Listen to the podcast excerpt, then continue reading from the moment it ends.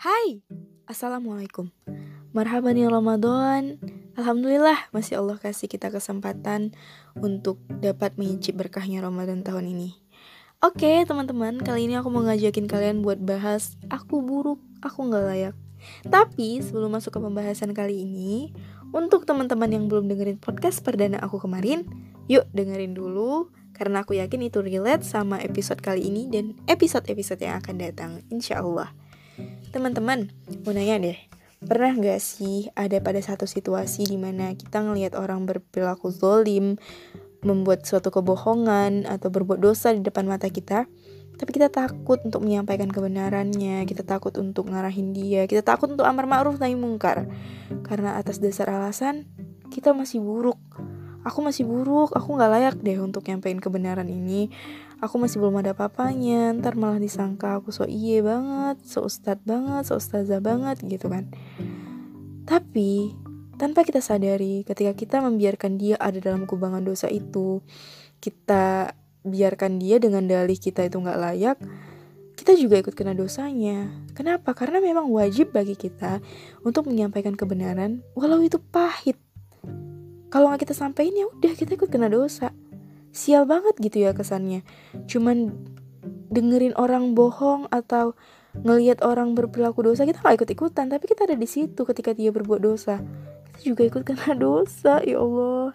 Tapi kalau kita ingatin dia terus dia amalkan dia tinggalin kemaksiatan itu masya Allah pahalanya benar-benar berlipat-lipat ganda. Bahkan walau kita udah mati sekalipun nih itu pahala ngalir terus. Kalau udah ditutup tanah nih kita ya datang terus itu pahala ke kitanya. Kenapa? Karena apa yang udah kita kasih tahu ke dia itu terus diamalkan dia. Misal nih, kita ngingetin seseorang untuk berhijab. Ini taruhlah si Fulanah tadinya belum berhijab. Terus kita ingetin Fulanah, hijab itu wajib loh. Allah udah ngasih tahu dalilnya di dalam Quran surah Al-Ahzab ayat 59 dan Quran surah An-Nur.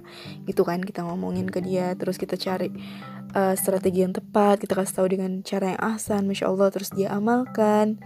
Ya pahalanya tuh ngalir terus ke kita bakalan jadi amal jariah buat kita teman-teman.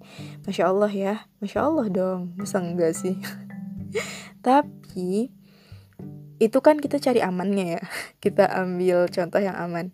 Ada juga sih sebenarnya contoh yang buruknya kalau kita amal ma'ruf nahi mungkar ini. Contoh yang buruknya itu apa? Bukan sebenarnya bukan buruk ke kitanya sih enggak. Tapi lebih kepada resiko. Resiko kita uh, amar ma'ruf nahi mungkar orang lain. Sebenarnya amar amar ma'ruf nahi mungkar ini kan kewajiban setiap orang ya. Udah ada dalilnya dalam Quran surah Al Imran ayat 110 nanti teman-teman boleh langsung cek sendiri. Nah tapi kebanyakan orang tuh lupa atau bahkan nggak tahu bahwa memang itu kewajiban setiap orang. Jadi dia tuh ngerasa bahwa kalau kita nyampaikan sesuatu kepada dia, kalau kita amar ma'ruf dia, kita ikut campur ke dalam kehidupan dia. Makanya kita butuh strategi yang tepat untuk nyampaikan kebenaran itu tadi. Ribet banget ya. Ribet sih emang, tapi ya surga itu mahal cuy. Kalau murah kuaci namanya. kuaci murah banyak lagi ya kenyang tapi enggak kan? Kalau surga masya Allah. Apa yang kita mau bisa dapetin di surga gitu. Kita mau apel dapat. Kita mau suami. Oke okay, skip. Back to topic. Jadi strategi yang tepat. Kita butuh strategi yang tepat untuk menyampaikan sebuah kebenaran. Apa aja yang pertama adalah seni dalam menyampaikan. Setiap orang itu punya gaya berbahasa, gaya berbicara yang berbeda-beda. Mungkin Ustadz A dengan Ustadz B itu punya cara penyampaian yang berbeda. Kayak Ustadz Felix, beliau punya cara penyampaian yang masya Allah uh, dengan cara membuka cakrawala pikiran kita, buat kita itu berpikir, buat kita itu open minded. Tapi kalau misalnya Ustadz Adi Hidayat, masya Allah dengan hafalan Qurannya, beliau membedah uh, bahasa dalam Al-Quran, terjemahan dalam Al-Quran per satu-satu kata itu wah masya Allah luar biasa. Itu tadi aku sebut seni dalam berdakwah atau seni dalam menyampaikan. Nah kita yang bukan siapa-siapa kita yang cuman manusia biasa yang kadang lemah dan tak bersalah. Enggak, kita bersalah ya kita banyak banget dosanya makanya uh, aduh cepet-cepet deh taubat. Kita semua termasuk aku self reminder buat diri aku sendiri Jadi ya kita juga punya cara menyampaikan sendiri. Cari kita punya cara menyampaikan sendiri, tapi itu bagaimana ya caranya? Oh mungkin aku dengan media tulisan. Itu juga menyampaikan loh sebenarnya gitu kan. Atau ya kalau misalnya teman-teman yang cuman sebatas di lingkungannya aja misalnya nggak bisa nulis atau belum berani untuk nulis nggak apa-apa. Kita ngobrol dengan ngobrol sama orang tua atau ngobrol sama teman dikit-dikit diselipin lah gitu dalil-dalil Al-Qur'annya. Ya pelan-pelan aja dulu gas-gas tipis ya enggak nah oke okay, sini udah kelar itu terserah teman-teman sih mau kayak gimana sini menyampaikannya yang ter yang terakhir lagi belum yang kedua ilmu jadi ketika kita mau menyampaikan sebuah kebenaran, kita harus punya landasan ilmu dulu teman-teman. Kalau kita nggak punya landasan ilmu, itu bakalan jadi bumerang buat kitanya juga. Kita nyampaikan ke orang, pacaran haram bro, nggak boleh, Allah udah ngelarang. Terus orang itu nanya, mana dalilnya?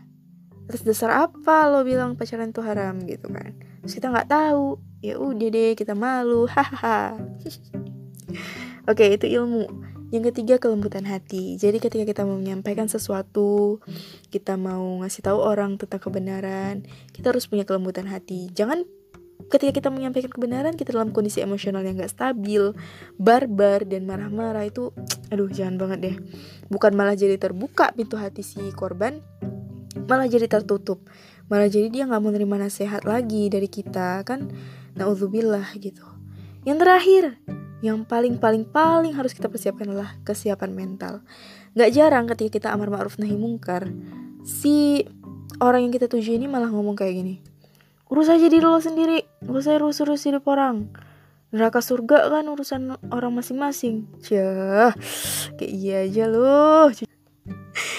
Jadi ya, aku suka heran sama orang-orang yang ngomong kayak gitu. Neraka surga kan urusan masing-masing. Neraka gue urusan gue, neraka lo urusan lo, surga lo urusan lo gitu. Kasian sih orang-orang kayak gini, kayak butuh dibelai gitu ya. Belayan kasih sayang. Jadi ya kita harus siap-siap mental untuk menghadapi orang-orang yang semacam ini kalau misalnya dengan mendapatkan orang yang kayak gini buat kita down terus kita trauma untuk menyampaikan waduh jangan. Jangan gara-gara manusia manusia yang seperti ini kita malah jadi trauma untuk menyampaikan kita malah jadi takut untuk amar ma'ruf nahi mungkar. Jangan ya teman-teman. Jadi sebisa mungkin teman-teman itu Ya sabar, sabar. Memang sabar dan ikhlas itu bab yang gak pernah rampung. Tapi aku yakin banget Dengan kesabaran yang kita punya Dengan keikhlasan yang kita punya Allah hadiahkan surga. Masya Allah Memang kalau ngomongin surga ini indah banget kesannya Tapi kita juga gak tahu amalan mana yang akan menghantarkan kita ke surga Dosa mana yang akan menghantarkan kita ke neraka. Belum tentu nih aku ngomong kayak gini Udah kayak orang bener gini itu bisa langsung masuk surga. Enggak belum tentu. Bisa jadi teman-teman yang dengerin ini Allah kasih Allah catat pahalanya. Fulana hari ini mendengarkan podcast yang isinya mengenai kebaikan Masya Allah, so baik banget. Aku enggak ya. Teman-teman maksudnya cuman aku di sini mencoba untuk menge-share Walau sedikit ilmu yang aku punya. Karena aku cuman pengen berlomba-lomba sih Dalam hal berbuat kebaikan. Apalagi ini bulan Ramadan gitu ya Masya Allah. Yang di bulan-bulan biasanya Allah cuman kasih satu ganjaran pahala doang, di bulan Ramadan Masya Allah Allah lipat gandakan. Sehingga kesempatan kita untuk fastabikul khairat, kesempatan kita untuk masuk surga jalur prestasi, itu semakin terbuka lebar. Waduh, siapa sih yang gak mau masuk ke surganya Allah? Setiap orang pasti pengen ketemu sama Rasulullah yang udah merindukan kita. Bahkan pada saat wafatnya itu menyebut ummati, ummati, Masya Allah. Allahumma salli ala Sayyidina Muhammad. Jadi buat teman-teman sekalian yang masih berpikiran aku buruk, aku gak layak, buruan enyahkan sejauh mungkin pikiran-pikiran buruk itu, pikiran-pikiran bahwa kita gak layak itu. Walaupun sebenarnya kita harus senantiasa merasa bahwa diri kita di bawah, tapi jangan jadikan kerendahan hati itu sebagai uh, dalih kita untuk gak menyampaikan kebenaran karena sejatinya penyangkalan-penyangkalan yang kita lakukan terhadap aku masih buruk, aku nggak layak, aku nggak mau ah disebut ustadz atau ustazah, aku masih kayak gini, aku masih barbar, masih pecicilan. Itu sebenarnya adalah penyangkalan yang datangnya dari hawa nafsu kita aja teman-teman, bukan uh, dari hasil pola pikir kita.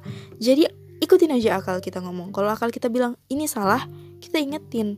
Tapi kalau akal kita bilang ini nggak salah ya udah nggak usah kita ingetin misalnya kita cuman uh, ngelihat dia terus kita nggak suka terus apa pun yang dilakuin itu salah aja gitu di depan mata kita. Nah ini juga yang bahaya. Jadi dakwah itu nggak boleh ya pakai perasaan. Dakwah itu harus pakai akal logika harus pakai pikiran yang jernih dan tenang. Jangan mentang-mentang dia itu orang yang nggak kita suka. Misalnya ada sifat dia yang kita nggak suka atau semacamnya gitu kan. Justru menjadikan kita uh, terus-terusan untuk mencari-cari kesalahan dia terus-terusan untuk amar ma'ruf dia. Padahal dia nggak salah. Kita amar ma'ruf aja. Lucu ya kesannya kayak gitu. Atau sebaliknya kita pakai uh, perasaan kita itu ketika ada orang yang menasehati kita. Nah ini kita tadi kan udah nempatin sebagai orang yang mengamar ma'ruf. Kali ini kita tempatkan diri kita sebagai orang yang diamar ma'ruf. Kita harus juga terima gitu. Karena kita nggak selamanya benar ya. Itu tadi aku bilang. Kita harus nantiasa um, menancapkan dalam pikiran kita, dalam hati kita bahwa kita ini memang orang yang selalu salah dan senantiasa salah. Tapi jangan jadikan itu dalih untuk gak mengamar ma'ruf loh ya. Aku pernah baca di biografi Instagramnya Lola Diara, salah satu selebgram, beliau tulis begini, Sebaik-baiknya aku, masih lebih baik kamu. Seburuk-buruknya kamu, masih lebih buruk aku. Nah itu Masya Allah, itu yang selalu aku tekanin buat diri aku sendiri, kalau ya jangan pernah ngerasa baik. Kalau kita udah ngerasa baik, kita udah ngerasa lebih layak daripada orang lain, itu berarti ada penyakit dalam hati kita. Kita berarti sombong, kita berarti hmm, mengagung-agungkan diri kita. Nah, itu bahaya teman-teman. Jadi cepet-cepet istighfar cepet-cepet minta ampun ke Allah subhanahu wa taala. Masya Allah nggak kerasa aku ngebacotnya udah lebih dari 11 menit. Jadi kayaknya segini aja dulu. Nanti kalian bosen kalau lama-lama. Oke, okay, sekian dari aku. Bye. Assalamualaikum